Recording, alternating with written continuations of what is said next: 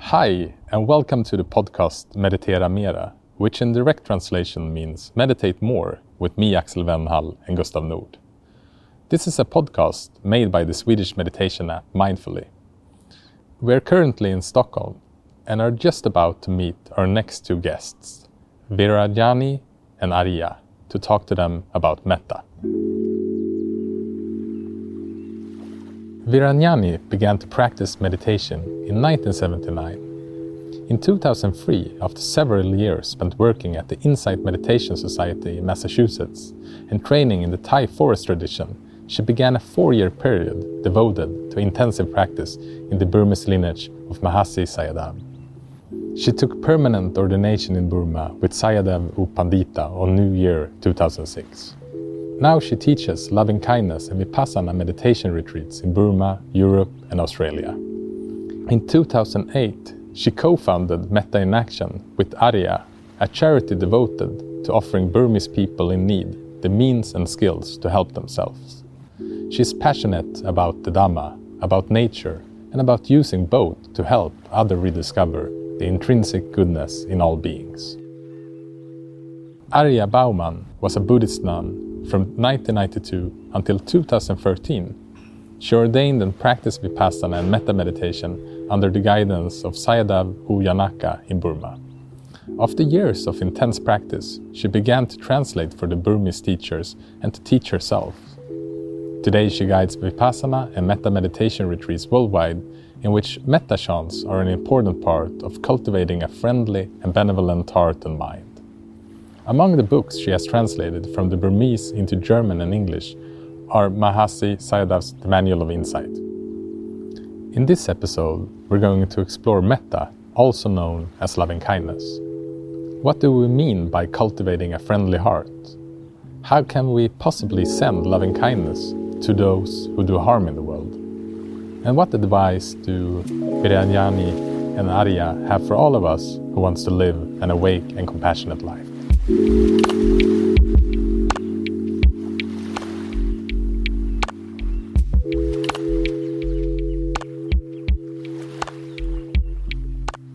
so I'm sitting here with uh, and Ariya. Welcome to Sweden. And uh, we are sitting in Magdalena and Mats' living room. So happy to see you and thank you for joining the podcast. Thank you so much for having us. It's a pleasure to be here. Hmm. And you are, if I understand it correctly, tomorrow you're going up to Orrefors in Avesta in Sweden to um, to host a metta retreat. That's correct. Yes, we're going to lead a 10-day metta retreat up there. Beautiful. So I, I just told you before we started the recording, but usually in our podcast we start by a short landing meditation. So is it okay if I just guide a short one for a couple of minutes? Please. so this is for the three of us, but also for Gustav that sits next to us on the floor. And uh, for you who's listening to this podcast, if you can physically stop for just a couple of minutes, you might be on the way somewhere, on the commute, walking. But if you can physically stop just for a couple of minutes, I highly recommend you to do that. And then you can choose if you prefer to close your eyes or keep them open. Just do what feels naturally good for you right now. And then just see if you can bring your awareness. That's usually, at least for my case, is up around the head and bring it down into the middle of the chest.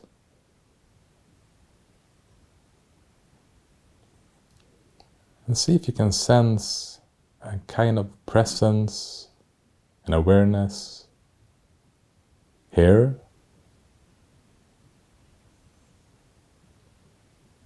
Perhaps you want to put your hands on the chest feel free to do that.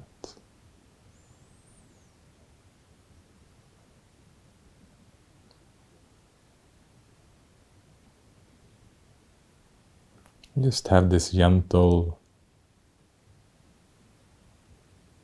touch, feeling, awareness in the chest.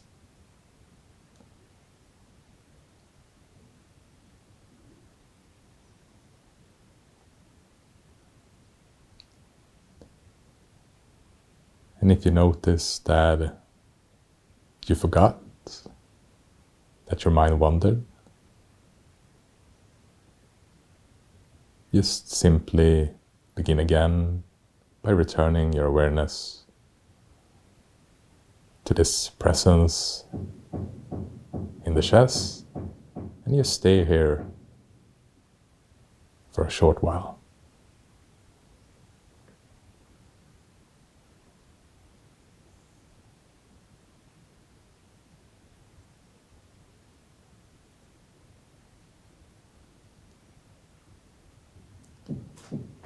And if you had your eyes closed, you can open them again, come back to all your senses, and just end this short landing meditation. Hi. Hello. Happy to be here. Yeah, me too. Me too. So, um, I'm curious about the two of you, your background and where you were when you discovered meditation, and your path since and what you do today. So perhaps if we could start with you, Vīrañāṇi.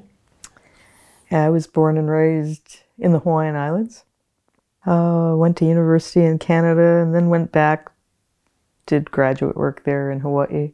Uh, I had a career as a biologist for a while and ended up, ended up in New Zealand.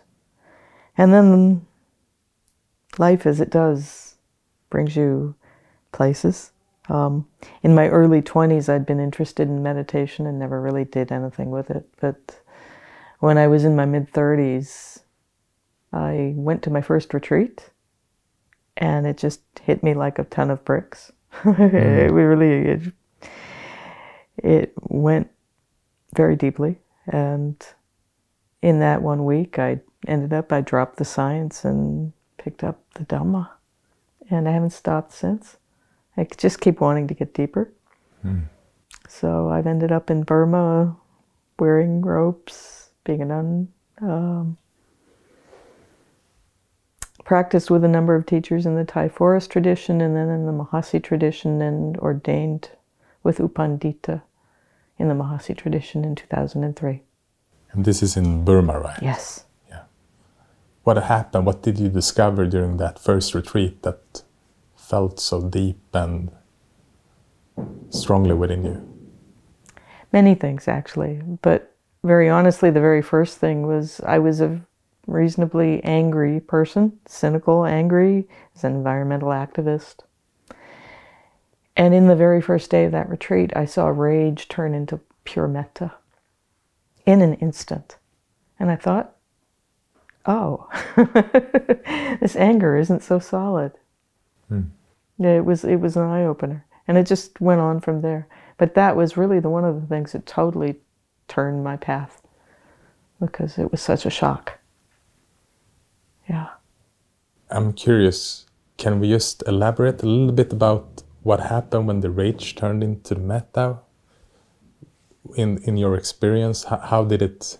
Did you did you practice the metta and rage no. came up, or was it just? No, I was angry at one of the other retreatants because she'd done something that I thought was not very sensitive. Hmm. And I was just working with, I, I was doing vipassana. And I was just noting the anger and paying attention to the anger and being very mindful of it. And every time her sock, we were doing walking meditation, every time her socks went by, I'd have another explosion of rage. And then in one moment, observing that, it just, it vanished. The rage vanished. And what came up in the next moment was pure metta, not only for her, but for everybody else in the room and for the whole universe. I was so shocked. I'd never had anything like this happen. And I thought, wow, this meditation, there's something to it. Mm. Yeah. Yeah. And looking back, that's not a special experience at all. It's the nature of metta to replace, I mean, it's the metta is the opposite of, of dosa, ill will. And so one replaces the other. It's a natural process. Yeah, that's interesting. It's putting one of my own experience into perspective. I was actually at my first Vipassana retreat in the Goenka style. On the seventh day, I was sitting and the mind was just completely quiet. And then I felt an energy building up, and the intuitive feeling was that I was going to have a breakthrough. And then suddenly the silence just ended, and I had thoughts about there's a Swedish celebrity family. I don't know if you know the Kardashians family in the US. Oh, yeah. Uh, you know about them. It's a celebrity family. So this is like the Swedish version of them with some extra talent. And my wife, she loves to watch their show. It's like a reality show. And I always used to make fun of it. And here I was sitting on the seventh day of this Vipassana retreat, and I had thoughts about them. And first, the thoughts were kind of like, um, judgmental. And then suddenly I, I was just flooded with compassion. So for a long time, I thought the deep insight in that experience was that I can, can't control my mind. And that was a deep insight that despite sitting there for seven days, mind quiet, I had no connection to this family. They were arising. Of course, I couldn't control that. But later I discovered that, wait a minute, that compassion that naturally came, I think that was even a more profound insight, actually. So I was, I was very moved by your experience because it put my experience into perspective as well. Yeah. Hmm. Ariya, how did you discover meditation and how has your path unfolded? I was born in Switzerland, went to school there, and I, I was raised up Protestant. My parents weren't really religious, but they sent me and my brothers to Sunday school. And in my teens, I started to reflect about God and the world and why is there so much suffering in the world and all the starving kids in Africa. If there is a loving God, why does He um, permit all this to happen?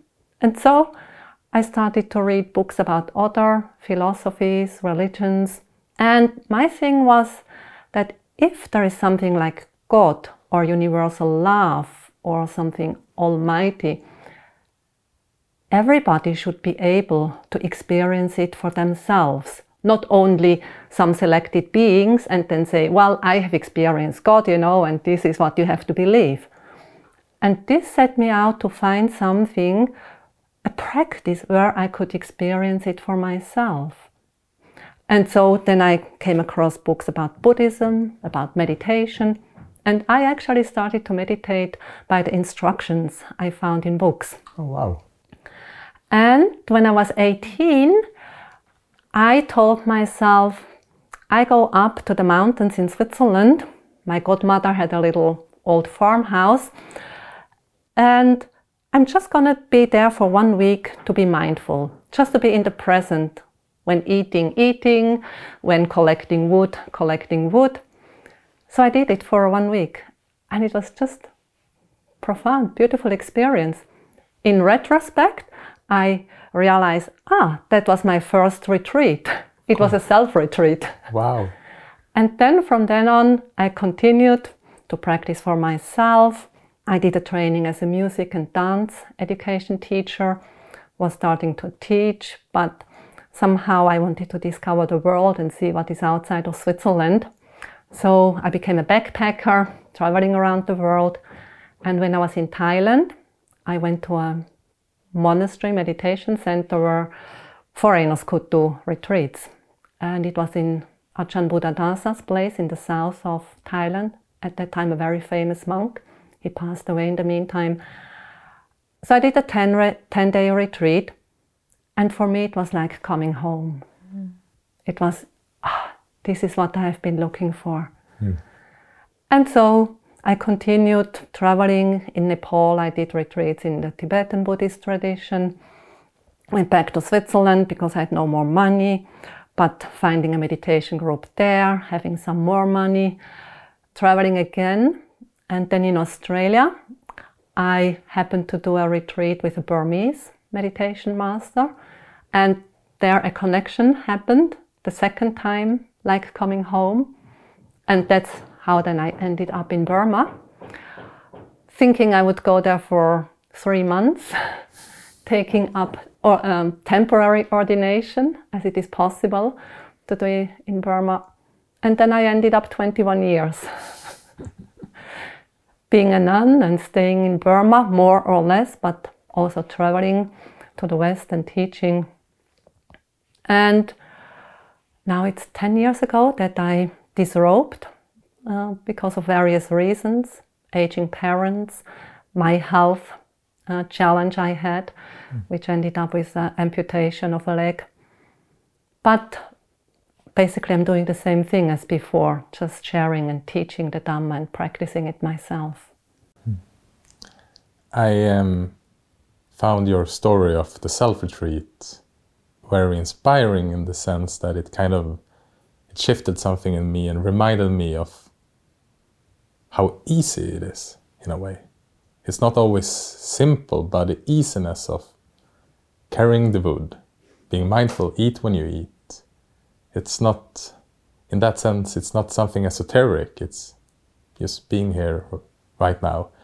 And Vīrañāṇi, you, you raised your hand when when Ariya said that she started meditating by reading instructions in the books. You, you did so as well. Yeah, because I first became interested in Buddhism and meditation when I was 19. At that time, there wasn't much going on. Buddhism was not mainstream as it is now. I read a lot of Zen books because that's what was there and found some instructions on how to sit. And so I played with meditation for probably 18 years before I actually sat a retreat, just by following the instructions I had in a book, and every once in a while sitting and landing. But um, very consumed with life and my career, so not really going anywhere with it. But I could never, no matter where I moved, all those books came with me. I couldn't put them away.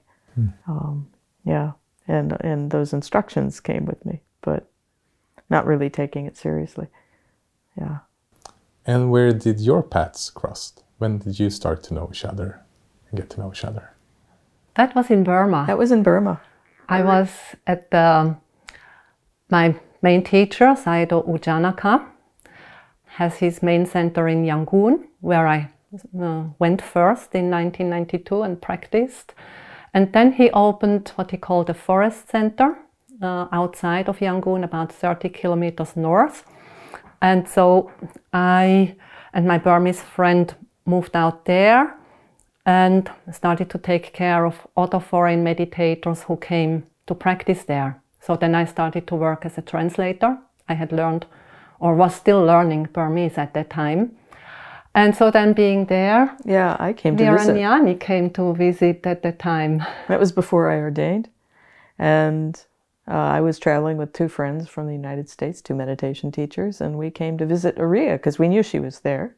Oh, let's go visit Ariya. I said, oh, okay. Uh, so, and shortly, well, some days after that, I ordained and then sat like Ariya. Um, the other thing I was nodding about is I thought I was just going to ordain for my retreat, my three months, and then I had plans afterwards. And at the end of the retreat, I asked U Pandita, well, can I keep I, I really don't want to disrobe. And he says, Oh, please. Um, and so I, I eventually we ended up at the same monastery. Hmm. Yeah. So that was 20 years ago, at least. It was after I had, had been, I'd left New Zealand and lived in a meditation center in the United States, on, being on staff for a couple of years at IMS, and then doing some long retreats, and then coming to Burma. So 20 years ago, roughly. Hmm. So perhaps uh, a good introduction or continuation of our talk is to just talk a little bit about metta and what it is, mm -hmm. and how you teach it or how you view metta in life.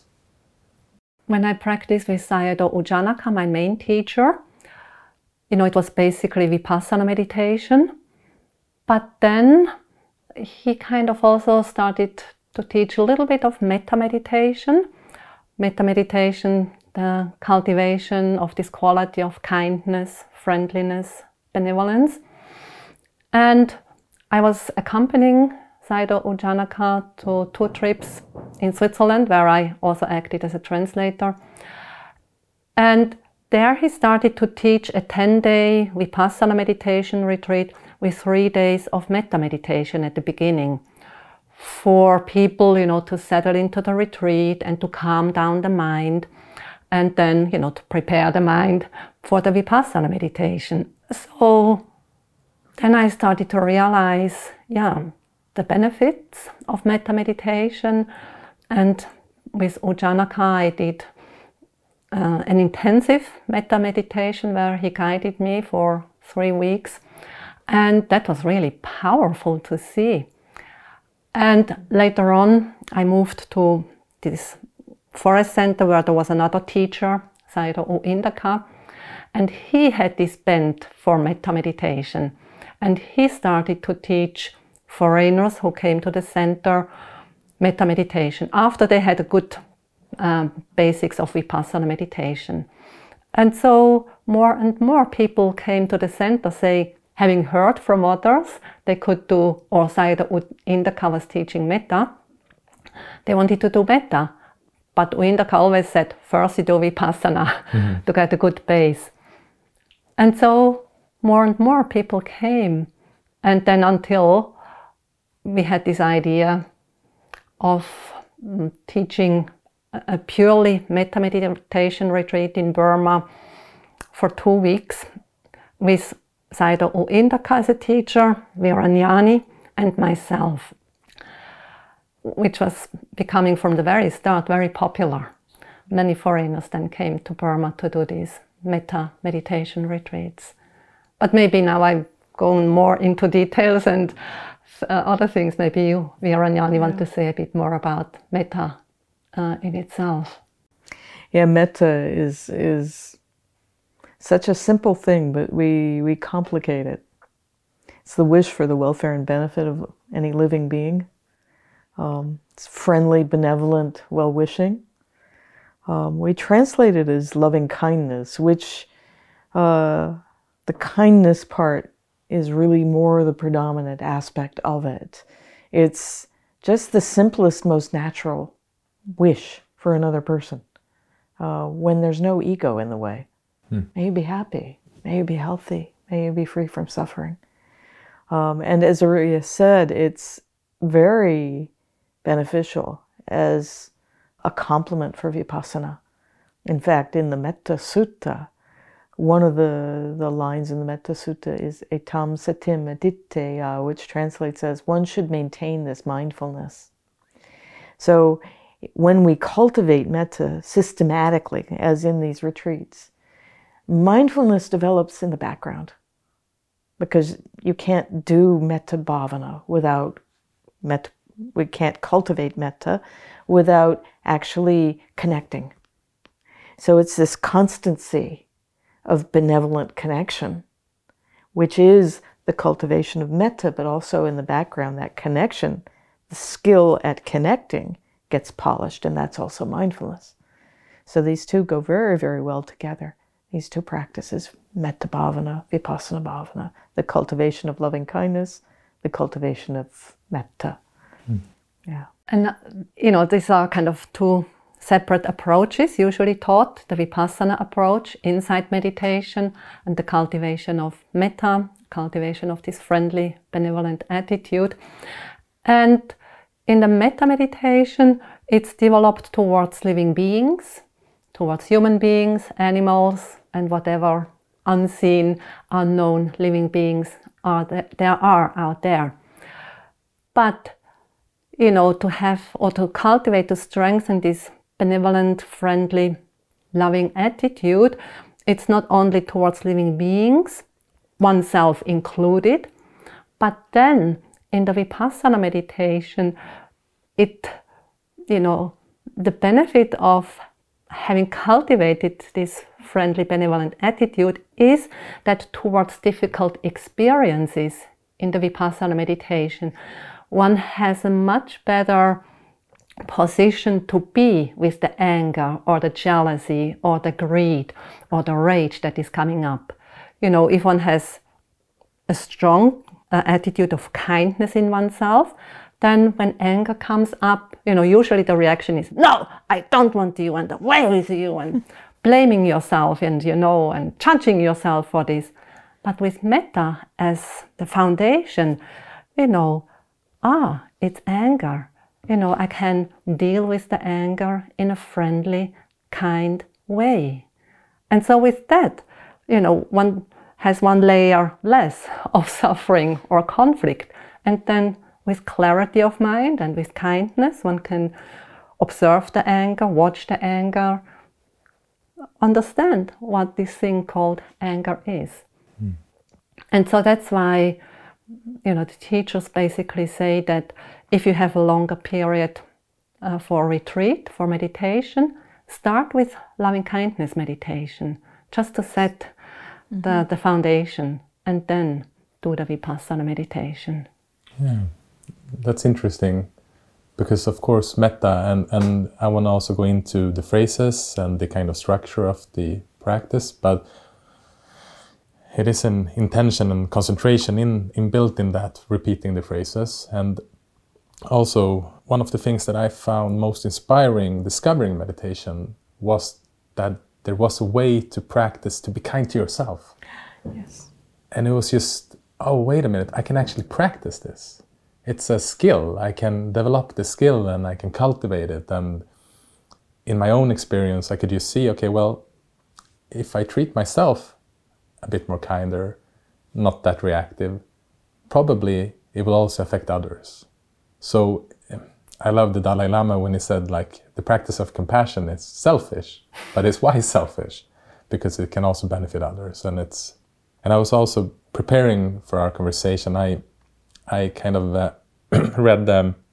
I don't think it's a quote, but uh, Dipa Ma, that I know has been uh, a big inspiration for a lot of uh, the Dhamma teachers, and especially in the West. And she got a question if one should practice metta or vipassana, and she re- she replied like this: "From my own experience, there is no difference. When you're full of love, aren't you then also mindful? And when you're completely present, isn't that the essence of love?" And I think that highlights the experience of uh, the combination, as you the, as you explained, of the metta and the vipassana and the the insight and the the awareness that it's. So before we go into the phrases, I'm a bit curious how you view, because in the sense of being mindful or being completely present or whatever we can phrase it as, love seems to be there, or this kindness seems to be inherent in that experience. So there seems to be a kind of natural metta or a nat- natural kind of friendliness in our experience that we can access. And then we can also practice this kind of metta practice with the phrases. Is there any difference, or is it something that I'm just making up in my mind, or what's your view on that? Yeah, language trips us up here mm. because it's very hard to to speak of this and use words and, and to capture actually what's happening because it seems paradoxical. The nature of the pure mind is wisdom and compassion. It's metta and wisdom. And so when we access that state, that it's a natural state, when all the hindrances are gone, when all the unwholesome mind states are moved through, the nature of the mind is metta, compassion. And so a lot of the practice is learning how to access that, getting skill at accessing that. And yet we speak of cultivating metta as if it's a thing that you can cultivate. Hmm. But it's a dynamic state, actually, uh, as everything is. Nothing stays the same for a moment. So it's we say, oh, to cultivate metta.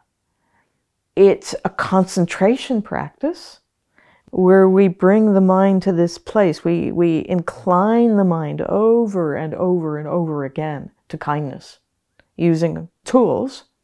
But the action of the practice is that inclination. And then the metta will arise by itself. We don't have to construct it. It's not constructed. It just arises by itself. And that interaction between cultivating metta and cultivating vipassana. Often it feels like I love that Dipa Ma quote because often it feels like it's a it's like a zooming in and out. We can zoom into the it's like a continuum of pure vipassana and pure metta. I mean, this is language again, but sometimes there's more of an emphasis on cultivating the metta. Sometimes there's more of an emphasis on cultivating the vipassana. Hej! Du som lyssnar på Meditera Mera får vår meditationsapp Mindfully gratis under 30 dagar när du startar ett abonnemang. Gå till mindfully.nu mediteramera för att ta del av erbjudandet. Or a complete emphasis. But each supports the other. So you can't cultivate metta without being mindful. You can't cultivate insight without having that radical acceptance of metta that Ariya was beautifully talking about, which is like, okay, well, whatever. Mm. I'll just pay attention to it. Mm. And we pay attention with different intention. If we're cultivating vipassana, insight, we pay attention in order to understand what is this? How does it behave? What's its nature? When we pay attention in a metta way for cultivating metta, it's paying attention in order to care. And it's two very different kinds of feelings in that action. But it's still paying attention. Hmm. Yeah. So it's all kind of, it's hard to speak of them separately because they're both very, very tightly interwoven. Yeah. I want to add something in regard to the cultivation of metta as Vīrañāṇi has said, yeah, metta, kindness, benevolence is a quality that is already there in the heart, in the mind. So we don't have to bring it up, you know, or to make it grow. It's there. But very often there are layers of states that are not metta there anger, aversion, restlessness, greed, and so on. And so the cultivation or the training of metta is to make this habit to dwell in metta stronger. Like we have a strongly ingrained habit in the mind if something you know is not as we wanted, if something is unpleasant, aversion, reaction, frustration. So this is a deeply conditioned response. It's a, become a habit. And you know, sometimes when there is something agreeable, nice, yeah, then would the reaction, the natural response would be kindness, care. But for one reason or another, you know, the negative responses are much more pronounced mostly in people's heart and mind. And so the whole purpose of metta meditation, of cultivation of loving kindness, it's cultivating the habit of dwelling in metta. It's not, yeah, cultivating the, the quality of metta, which is there, but to make the mind more prone to fall into metta and not to fall into the reaction of uh, aversion or greed. Mm. And that's why, or that's where then the practice with uh, using these metta phrases comes up, just as a training. You know, if you say them dozens, hundreds, thousands of times, it creates a new habit in the mind. And so, with that, it's more likely that the response to a certain situation is the metta reaction rather than the aversion or attachment reaction. Hmm.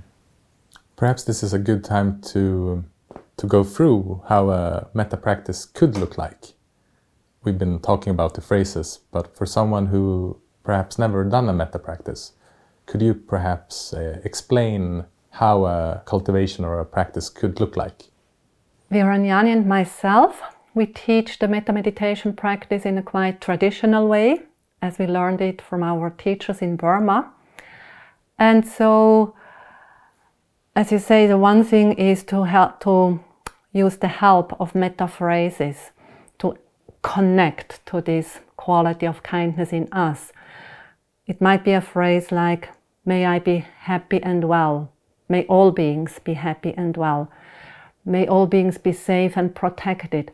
It can be any phrase which expresses this benevolent, caring, friendly attitude. You know, there's no set number of phrases which can be used, but anything. And also in any language. So people should use their mother language or the mm. language that is, that is closest to their heart. And by repeating this metta wish, so one has to be careful not to just repeat it automatically, mechanically. May I be well, happy, and peaceful. May I be well, happy, and peaceful. but these phrases, these words are there to really connect with the meaning. Mm. May I be well. And then kind of really feel it or touch to it from the depth of your heart. Yes, may I be really well. May I be happy. Yes, I wish myself to be happy, regardless of circumstances or what I have done. So it's this unconditional kindness for oneself or for other beings. And maybe Vīrañāṇi, you want to speak about, you know, the sequence one goes through in that traditional cultivation of kindness. Yes, in the traditional practice, we begin with ourselves more to establish the experiential, because this is an experiential practice, the experiential understanding of, yeah, I want to be well. It's very, very simple. It's not, you know, some unreachable state. It's just, may I be happy. It's very natural. May I be healthy. So we get a little sore throat, we go running to take the vitamin C. That's metta in action. So simple. May I be happy. May I be healthy once we have that basic connection with that wish, and that's not a connection, people may mistake the intention of radiating metta for oneself. It's more to establish that connection. It's not to feel, you know, complete love and acceptance for yourself, because for many of us, that's very hard. It's just to establish, oh, may I be happy? Okay, that's enough. mm. And then knowing that wish for ourselves, then we can wish that for somebody else because just as I want to be happy, so may you be happy. So may you be. We all want to be happy.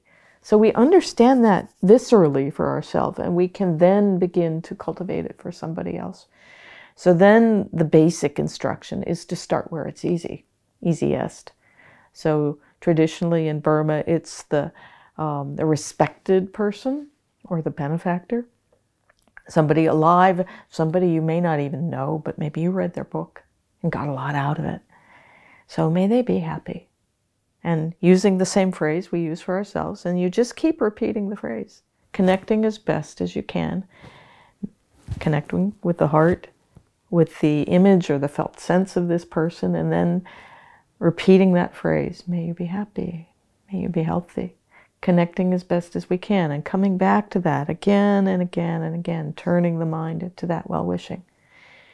When traditionally, when metta is cultivated as a concentration practice for the attainment of jhana, you stay in that category until the concentration is very deep because you're returning the mind to this single point of focus. When that is established, then you go on to the next category and the next category and the next category. Mm. However, you can cultivate metta just for the sake of the metta. So, in that case, the concentration doesn't have to be so deep. Just when you have that connection and that real sense of, oh, yeah, may this person be happy, then you can go on to the next slightly more difficult category, which is the dear friend. And then you go on to the next difficult, more difficult category, which is the neither loved nor hated person. Hmm somebody you don't have a particular reaction about. Commonly, we use the word neutral, but that's misleading because neutrality is impossible. but, you know, somebody is just like, eh, that person. And then you go to the difficult person, and there are various shades of difficulty from someone you just don't like their socks or their piercing or their tattoos to somebody who's really harmed you. And then from there, you go to all beings. So there's this natural sequence. And along the way, in each category, some aspect that is not metta will arise. Mm-hmm. Some habit that you maybe weren't aware of, but there it is. And then you work with that. Hmm. Yeah, and I, I guess Ariya can talk a little more about that process. This is something that people find a challenge in the metta practice because they think it's all about loving kindness and friendliness. So I will hmm. feel very nice and beautiful in this retreat, you know, full of love and so on. And then they have to deal with anger, they have to feel with jeal- deal with jealousy, they have to deal with all the rubbish that comes up in the mind. And then they are at first a bit disappointed about themselves, disappointed about the practice. I've not come to be to, to deal with my anger, you know. but you know, that's part of the purification of the heart and mind. So there we see what stands in the way of being friendly and benevolent to other people. Because in day to day life, you know, conditioned responses are so fast, and um, most of the time people are not really aware that it is happening. But in the retreat, it's right in their face. And once people understand this dynamic of the practice, then they are in a good position of, ah, well, actually, it's good that this anger comes up so I can see it. You know, this is a conditioned response. And with strengthening of the metta, uh, it can be overcome. I was laughing because I was recognizing myself in the experience. It's uh, I, I find metta practice very humbling in a sense, very humbling, because when I started to do it, when I discovered it, it was also giving me this insight into my relationship, but what I really felt in some relationships towards myself, but also towards other people, as you said, to the so-called neutral people. It was interesting to see, oh, that's the, the, person I meet in the grocery stores or when I'm out walking or my neighbor. And it's like, it's, like you said, it's a bit like blah.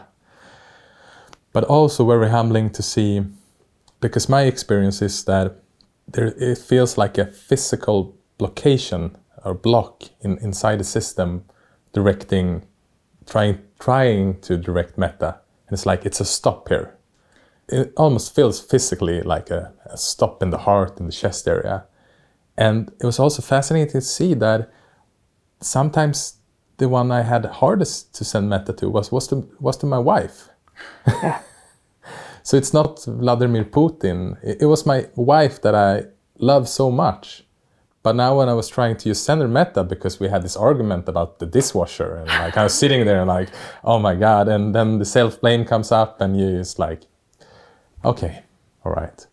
So it feels also that in that sense, when that arises, you need to direct the metta towards yourself. Is that correct? Yeah, as you were talking, you know, this um, thing just popped up in my mind. Another topic that people often misunderstand about the practice of metta, because as we have said, we take other people, other living beings as the object of metta, and then cultivate or radiate metta for them. May my wife, may my friend, may all beings be happy and well. So people have the idea that their metta needs to be sent to the other person so that my metta makes the other person happy hmm. and well, or all beings. But this is a misunderstanding. We only take the other person as the object for the metta meditation in order to cultivate this quality in ourselves. The other person is like a mirror, so the other person uh, can trigger a reaction, as you say with your wife, you know, just argument about the dishwasher. Um, and so, even having, in this example, your wife as the object of your metta meditation, it's about your relationship to yourself and your wife. Yeah. And It's it- not fixing another person, but it's fixing your Yeah. conditioned response. And so, again, this is that people only come to understand sometime when doing the practice. And that's why I'm very careful uh, of the words I use to teach metta. You know, to say send metta to somebody is misleading. Then the people get the, oh yeah, I need to send it to you. And then when the other person gets the hit of metta, like, then my metta is successful. Oh yeah. So that's why I say yeah, cultivate the metta in yourself, or you know, once the heart is filled with metta, it radiates. You know, it's not something I have actively to do, but once the quality is there, like the sun, its nature is to radiate light and warmth. You know, the sun has no intention to send the light and the warmth down to the earth or out into the universe. Hmm. And so when the heart is full of metta, it just radiates it out by its nature. And I loved how you spoke very clearly about barriers. Because in the traditional texts that give us instructions on the practice, uh, particularly the Visuddhimagga, in the Visuddhimagga, it speaks about the process of metta in going through these categories is a process of breaking down the barriers. And so these barriers break down quite naturally as we go through this practice. And that's the indication of the success of the metta practice, or one indication of the success, is when the barriers are broken down. When the metta is the same for oneself, the benefactor, the enemy, all beings, when it feels exactly the same. And our teacher, Sayadaw U Indaka, speaks of strong and powerful metta as being air conditioning. it's like air conditioning. It's cool, it's peaceful. It's not an emotional state. People mistake this. They think it's, oh, it's going to be full of this nice, warm, loving feeling, but it's actually very chilled out. It's just that strong well wishing with an open heart. And I had to laugh when you were speaking about, you know, uh, how people come to a retreat and they think, oh, I'm just going to be full of warm metta. And we had a, a yogi in a retreat we just did together in Switzerland say, oh, I thought I was going to come to this nice warm metta bath, but it's a volcano. but eventually the volcano dies down Yeah. and you're left just with this cool and peaceful, very chilled out, but very connected hmm. metta. May you be at ease, may happy.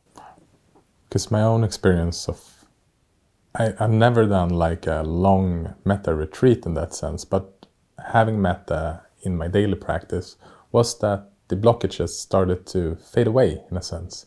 And that experience is a lighter experience. Sometimes it's very, it can be warm and heartfelt, but sometimes it's just lighter. It's the physical blockage just drops away and uh, just as you mentioned, Ariya, like the it's interesting to also realize that okay, wait a minute, this is my relationship and my own experience towards these people. And as I mentioned, it's humbling to see because it's easy to have an idea that of course I and of course I do love my wife, but also to see that when the relationships get strained and it's and you're in an argument, it's something that actually blocks your heart. And I think metta practice is a very good way to see that and to to kind of uh, release that blockage in a sense. And you know, this is exactly what then happens.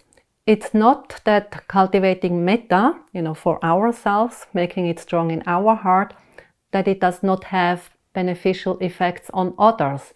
It actually does have quite amazing and surprising effects on other people, on other living beings.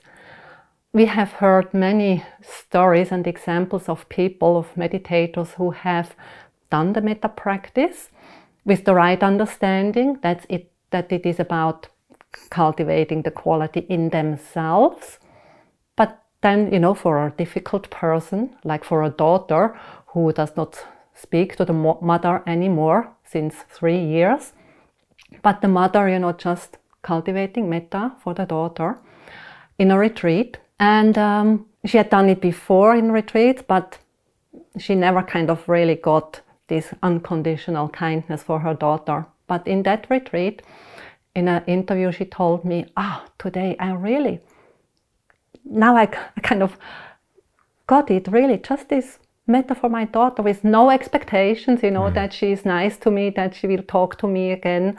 But, you know, just for myself, I have kind of torn down this barrier. And um, she said, Oh, it's such a relief, you know. Mm. A year later, uh, she came to the retreat again. And then she told me, I have to tell you something. You know, last year I told you about my kind of breakthrough with the metta for my daughter. That was towards the end of a three week uh, retreat. When I left the retreat, when I checked my mobile phone, I saw my daughter called me, and it was exactly on the day I had this breakthrough with the metta meditation. And then, of course, she called her daughter, and since then they start or they, they started talking again to each other. So, you know, you see, if something changes in your heart, and as I said, you know, then it radiates out, it will have effects on other people, on other beings. Yeah, yeah, I'm, I'm sure about that. And I had a similar experience myself. I, I was doing, um, during the pandemic and before our first kid came, I took the opportunity to do a month long self retreat. And in the end, I um, I wasn't particularly doing metta, but metta rose towards my mother. And this was just in the end of the retreat. And then I, I think actually the story goes that I emailed her, but it was just, it, it was some kind of like connection between my inside into the metta I felt for my mom. And then we just met after the retreat, and it, it was beautiful because it was something that, again, shifted in me. It was just this kind of letting go of the past as well and and just this gratitude towards her. And for me since then it's been a, a different kind of a relationship as well. Yeah. Mm-hmm. yeah yeah that's very very true that how metta transforms our relationship is it begins here in our heart. Mm. and people don't even have to know what's going on in in our process to feel the difference that metta offers. Mm. So we radiate metta to somebody, our whole relationship to theirs energetically changes. You know, it's like we have a different vibe around them, and they notice that. Yeah. And it transforms relationships. Yeah.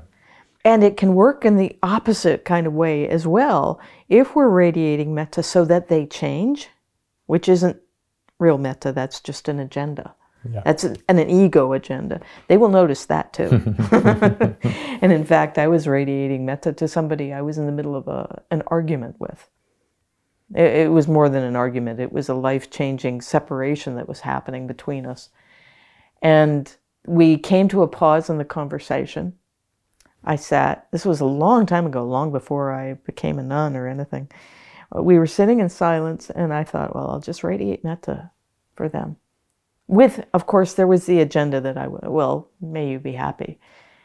Very shortly after I started doing that, in the silence, he said, Stop doing that. Yeah, that was what I said. I, you know, I went, huh? How did you know I was doing that? Mm. I didn't say that, but I thought it. Uh, it was really an eye opener to me because people feel what we do, whether we're doing it for the sake of a, an ego agenda, which is those are the barriers that get broken down in, in metta practice. So whether we're trying to either build up the ego, which is not metta practice, it's something else, or whether we're doing the metta practice and the ego barriers are being broken down. Yeah, mm-hmm. the agenda barriers. And people will feel one or the other.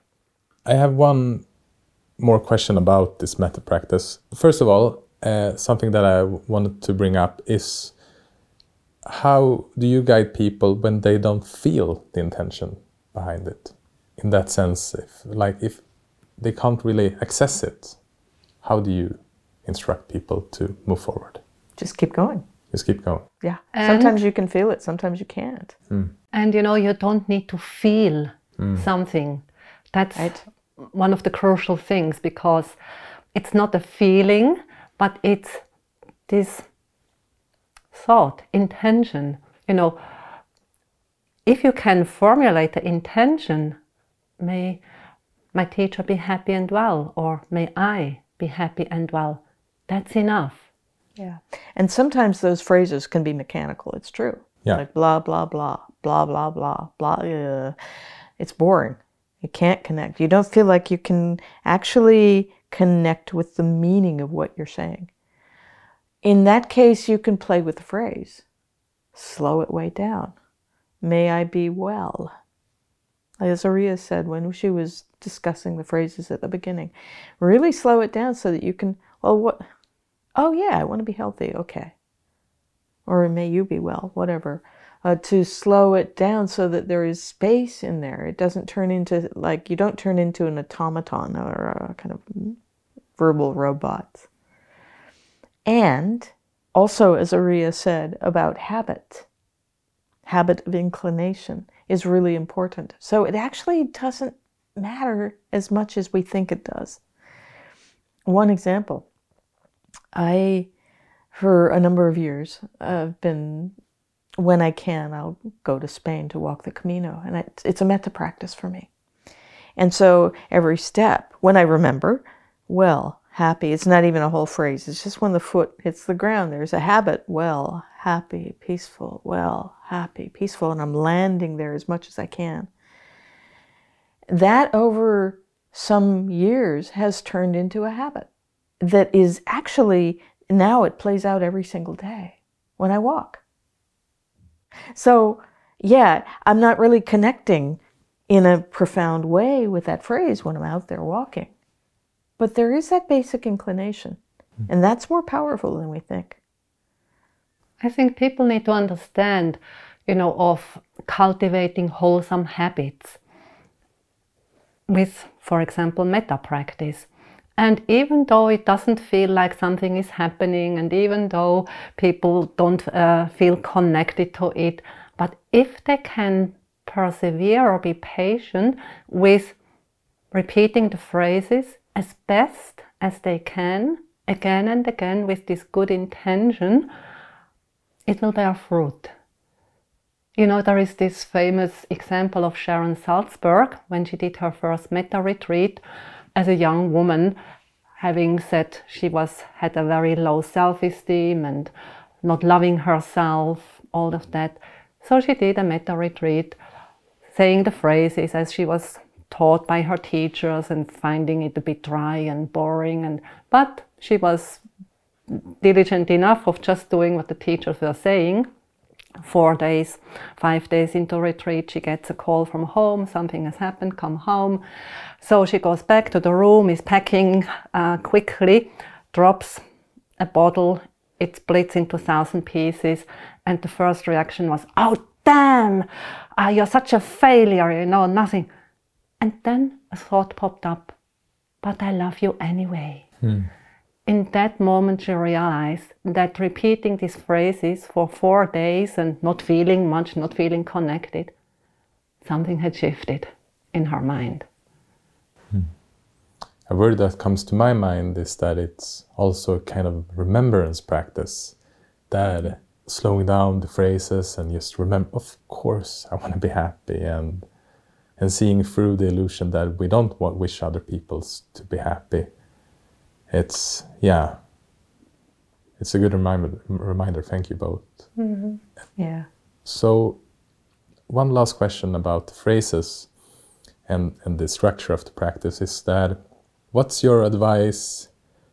Because wishing your friends to be happy, wishing yourself to be happy, wishing perhaps uh, blah blah blah neighbor to be happy, that's what that's. I mean, I think everybody rationally can accept that, but then there are people who do other people real harm Yeah. that uh, perhaps have done us harm. How how can we even wish them, or how can we kind of understand the metta practice to direct metta to them as well? Metta practice is wishing all beings be happy in a boundless way, bound without boundary. So understanding it's that well wishing for all living beings, regardless of who they are, regardless of what they've done. May you be happy, may you be healthy, happy in a wholesome way, not happy in an unwholesome way. To establish that as an understanding. It's not, you know, wishing that the worst person in the world be happy because he's a sadist. But no, may you have wholesome happiness. Hmm. May you be healthy. And whether they're good people, quote unquote, or bad people, quote unquote, because they are living beings, they deserve metta. And they actually need it more than we do in some cases. Because, or it seems that way, because they're obviously not happy sometimes. It's harder though, because we think, oh, well, yeah, you know, my friend, my, my wife, my dear friend, my respected person, may they be happy. That's easy. Just because somebody's an awful being is one of those blocks that we have. We think, oh, they're horrible beings. They don't, quote unquote, deserve metta. But that's not true. Everybody deserves metta. It's just much harder. And it's, I had to laugh because you said neighbors. Oh, yeah. Neighbors can be hardest because a bad neighbor is a cause of real suffering. Hmm. So, anybody who's caused us suffering as well, this is where metta, the relationship between metta and compassion becomes really very clear. Because compassion is simply metta that turns towards suffering. And so, somebody who is causing harm in the world, well, the consequences of that will not be pretty, will not be easy, will be very painful for them. The, the, the karmic consequences.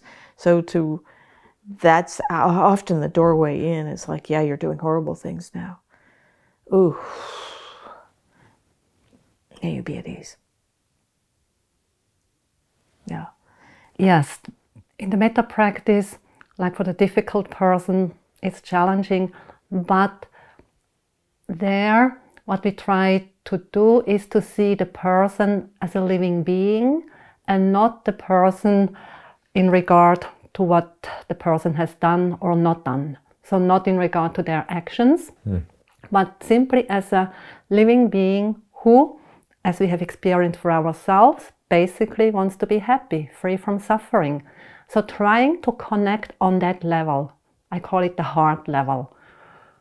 That's one way of working into that difficult category.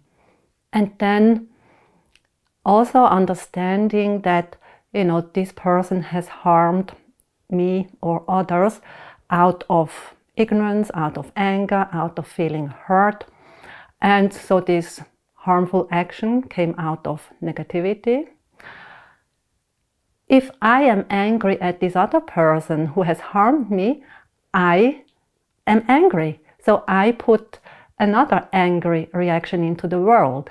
So then I'm not, not better than this other person who has acted on anger. So it's also about me not producing any more anger into the world. Yeah. I also had that kind of insight and understanding that when I done harmful things, I've been in that negative place. Like I, I haven't really been myself in that sense. I haven't had the metta. I haven't been present. I haven't. I've been lost or scared or stressed or whatever it might be. And and that kind of insight when I understood that. Okay, wait a minute. When I done harmful things, I, I've been in that condition, which sort of means that probably the people who's done harm to me has also been in that condition. And it just gave me a kind of under a better understanding and a better compassion and forgiveness. Exactly, that's a very close relationship between metta and forgiveness. Yeah. so if there is pure, genuine metta, there is also forgiveness. Yeah. And sometimes we do a specific forgiveness practice just to help you know, the metta uh, to be to be there. Sometimes, you know, the hurt, the harm can be so strong in people's heart that metta alone is not able to come to this place of forgiveness. And then a specific forgiveness practice, which is a practice, and you know, it can take long time, months and years, until a person can really, really forgive. But mm. that goes hand in hand, metta and forgiveness. And also the the quality of metta that is boundless. When we see another being as like us. So, in the beginning of the metta practice, just like I want to be happy, so may you be happy to a benefactor. That works also with a difficult person in understanding just as you are causing me harm, oh yeah, I've caused other people harm. It brings us to that place of beautiful humility mm. that really there is no boundary.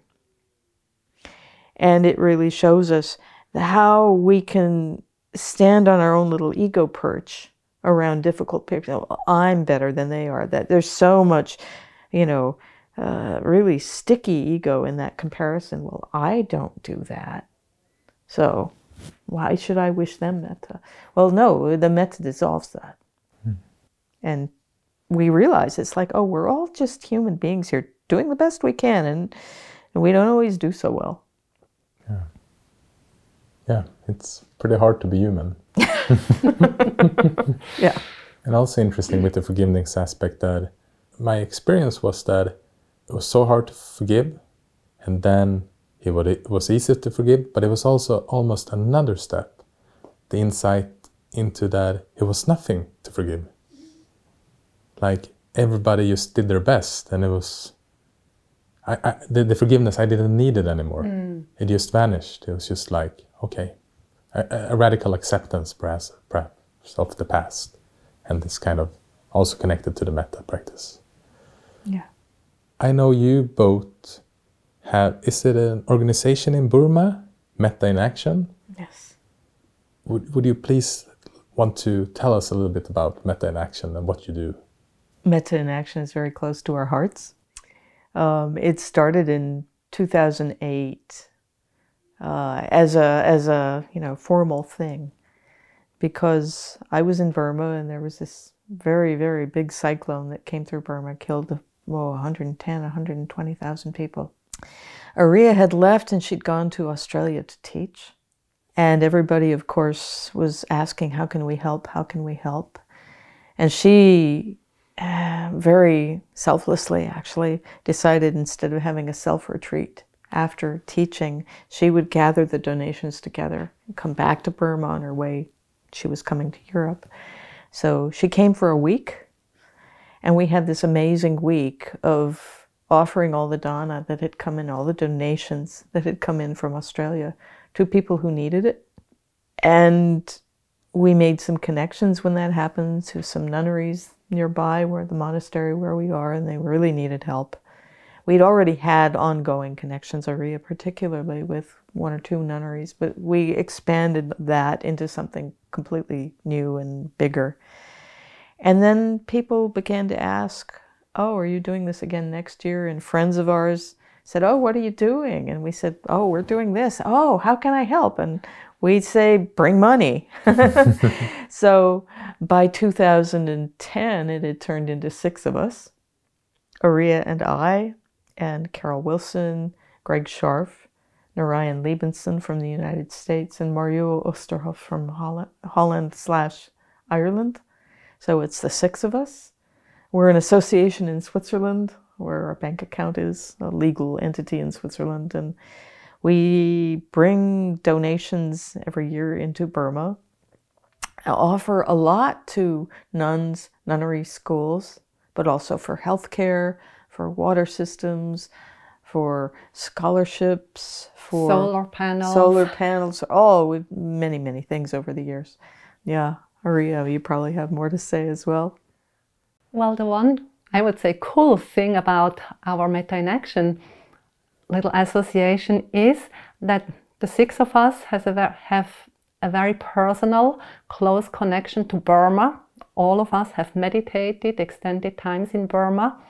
So just this connection to Burma, the Burmese people, their difficult living connections. And as Vīrañāṇi has said, we physically take the money into Burma and then distribute it personally. So we can tell our donors that each cent goes directly to the people in need in Burma. Yeah, we have no overhead, no travel expenses. That's our dana. Yeah. yeah. And then we write updates, you know, we have uh, supported these nunneries and these monastic schools, and we have set up the solar panels in Sayadaw Indakas village, and we have set up this clinic with dentists and doctors, and you know this is little stories about this person has benefited in this way and there, so people get information where their donations go to, how they were used, and ever since then, you know, donations pour in and we take it and uh, bring it to Burma and distribute it. Mm. And what is needed is really a moving target.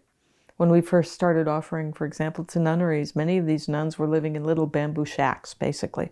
A bamboo building with a thatched roof. Thatched roof or a plastic roof or a metal roof. And now they're all living thanks to our don- donations over the years to in solid multiple story brick buildings you know, little by little by little and so now the need is different than it was in 2010 or 2013 the times are different uh, especially um, a number of the nuns when we first started offering to nunneries it was just to the nuns and the young women that they were raising up and to support them for their shelter, for their food. But one by one, now we support, I think, five monastic schools, and these nuns have come and said, well, actually, we want to start a school for the nuns in the nunnery as well as whoever else wants to come. And now one of these schools has 600 students. So, you know, it's also students, kids from the mm. village who cannot go to the government school, who is basically free, but the parents have pay to pay for uniform and books and for electricity of the school and for this and that. So poor families cannot afford that. But in these monastic schools, everything is provided. Hmm. And so with these monastic schools, you know, these nuns, it's a social institution basically because the government in Burma, there are no basically social institutions taking care of such cases. And also the nuns, they take in orphans or half orphans, they take in young girls from border areas where parents fear that uh, people come and offer them a, uh, a job in China, you know, telling them how much money their daughter will earn, you know, to work in whatever and ending up in a brothel. Hmm. Or married to somebody that they don't want to be married to. Yeah. yeah. So, you know, we have kind of moved towards supporting many nuns and nunneries because the nuns get less support in Burma than the monks. I don't want to go into the reasons right now, that's a completely other topic. But, you know, we, having been nuns or still being a nun, we are Vīrañāṇi, you know, knowing a bit the conditions of the nuns and what they do. These these nuns are amazing. I mean, social yeah. workers, mothers, um, nurses, managers, fundraisers, fundraisers, and when we come to them, you know, and what do you need? For example, clean toilets, latrines. And how much will that cost? Okay, they will ask. Two days later, they come for three latrines, such and such an amount, we say, okay, and offer them the money, and then they organize the builders and the, make the latrines. Two weeks later, they come, it's done, come and have a look. Mm. So it's quite amazing, these women. I mean, sometimes I think, you know, how do they do I, it? I would have never dared to set up a nunnery or taking in so much responsibility with basically nothing, but they do it and or know, starting a school. I mean, yeah, it's uh, mind blowing. I mean, this confidence that they have and just doing it, doing it without worrying too much, you know, which we would do in the West, you know, do I have enough financial means or support? I don't have a five year plan. I better get moving on that. But no, they just do it. Yeah. And full of faith and confidence. And a number of them say to us um, when we offer a donation, it's like, oh, now I can sleep better at night. And clearly, it's not that they don't worry. but what we are continually amazed by is their amazing competence.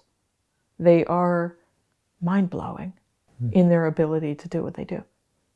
I- actually don't know how they do it.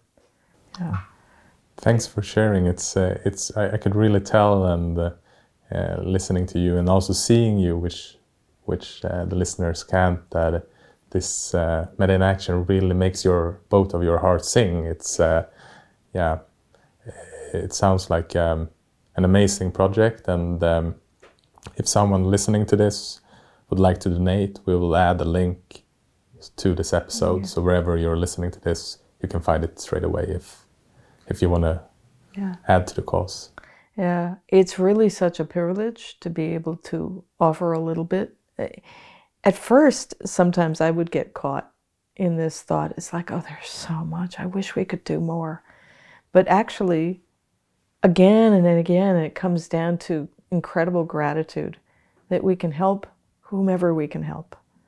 And we can support whoever we can support. And what these women need is, you know, we don't come to them with this idea of, oh, we want to give you this because we think you need it. This is a one of the gifts of this work is that it is not us helping them, but it's a partnership. Hmm. It's a deep friendship. It's what do you need? Please let us know. And because we have a relationship with these women now over 10 years, 12 years now, we know we can trust them to, to be wise, compassionate, skillful, um, ethical. we don't have to worry about where their money goes. And so they will now, they, it's not the Burmese way to say, oh, please give me this. In fact, they're very shy to ask, but now more and more there's there's a willingness to say, you know, what we could really use is this, because they know there's this deep trust that is built up over the years between all of us, and it's just such a gift to be able to be part of that. And anybody who donates is automatically part of that. And it's a really beautiful thing to be part of. I want to be mindful of your time and uh, would like to thank you so much for joining the podcast. It's been such a pleasure meeting you and talking to you and learning more about metta and how how we can cultivate it in, in our lives. And also wish you a fantastic retreat. You're going up tomorrow to Oshofos. And um, before we say goodbye, would you mind um, ending our conversation by guiding some metta for all of us who's listening and to Gustav and me who's here as well? I'd be happy to. I'll offer a few minutes of metta, guided metta, and then Ariya, would you do some Burmese chanting at the end? Yeah, I will do that.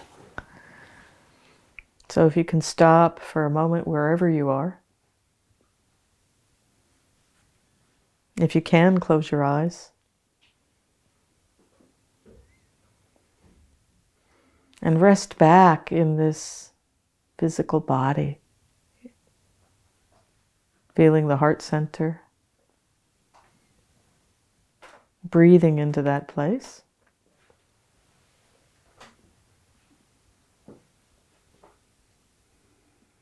Anything you feel is fine.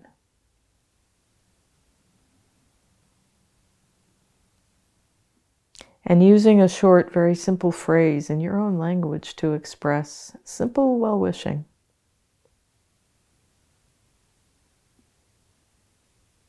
For yourself.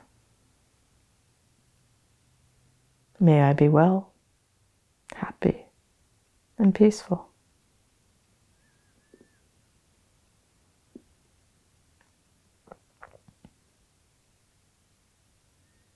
May I be safe and protected from harm.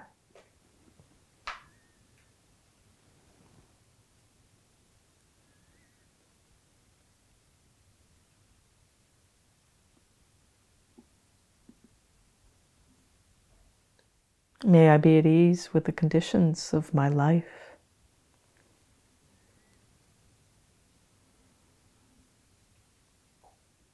Letting this well wishing resonate in the heart, connecting with it, breathing into it.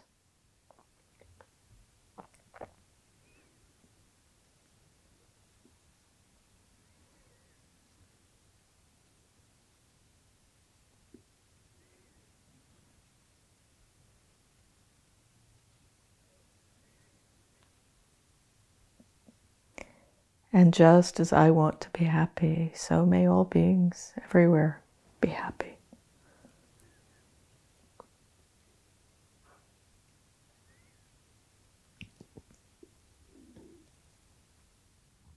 May they be at ease with the conditions of their life.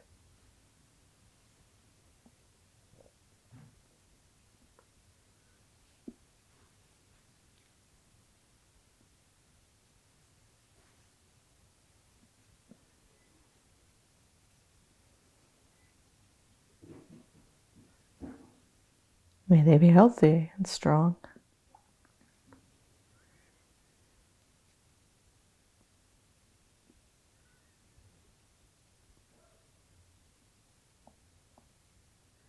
May all beings everywhere have happiness and the causes of happiness.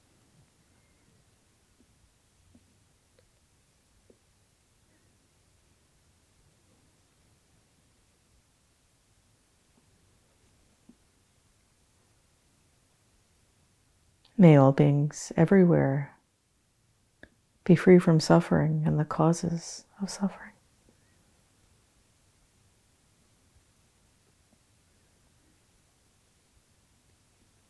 I will end this meditation with a metta chant in Burmese.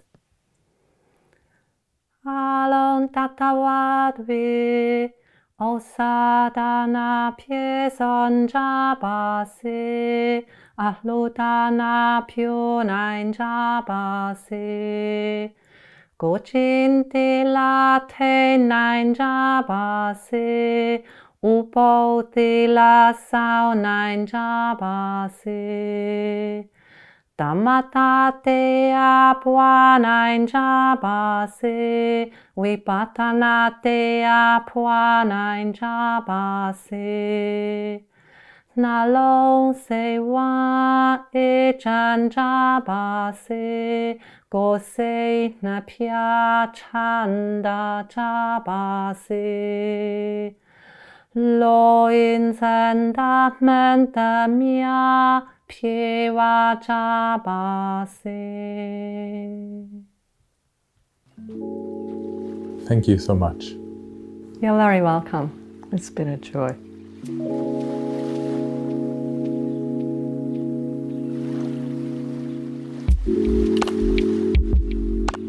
Thank you for listening to Meditera Mera with Vīrañāṇi and Ariya.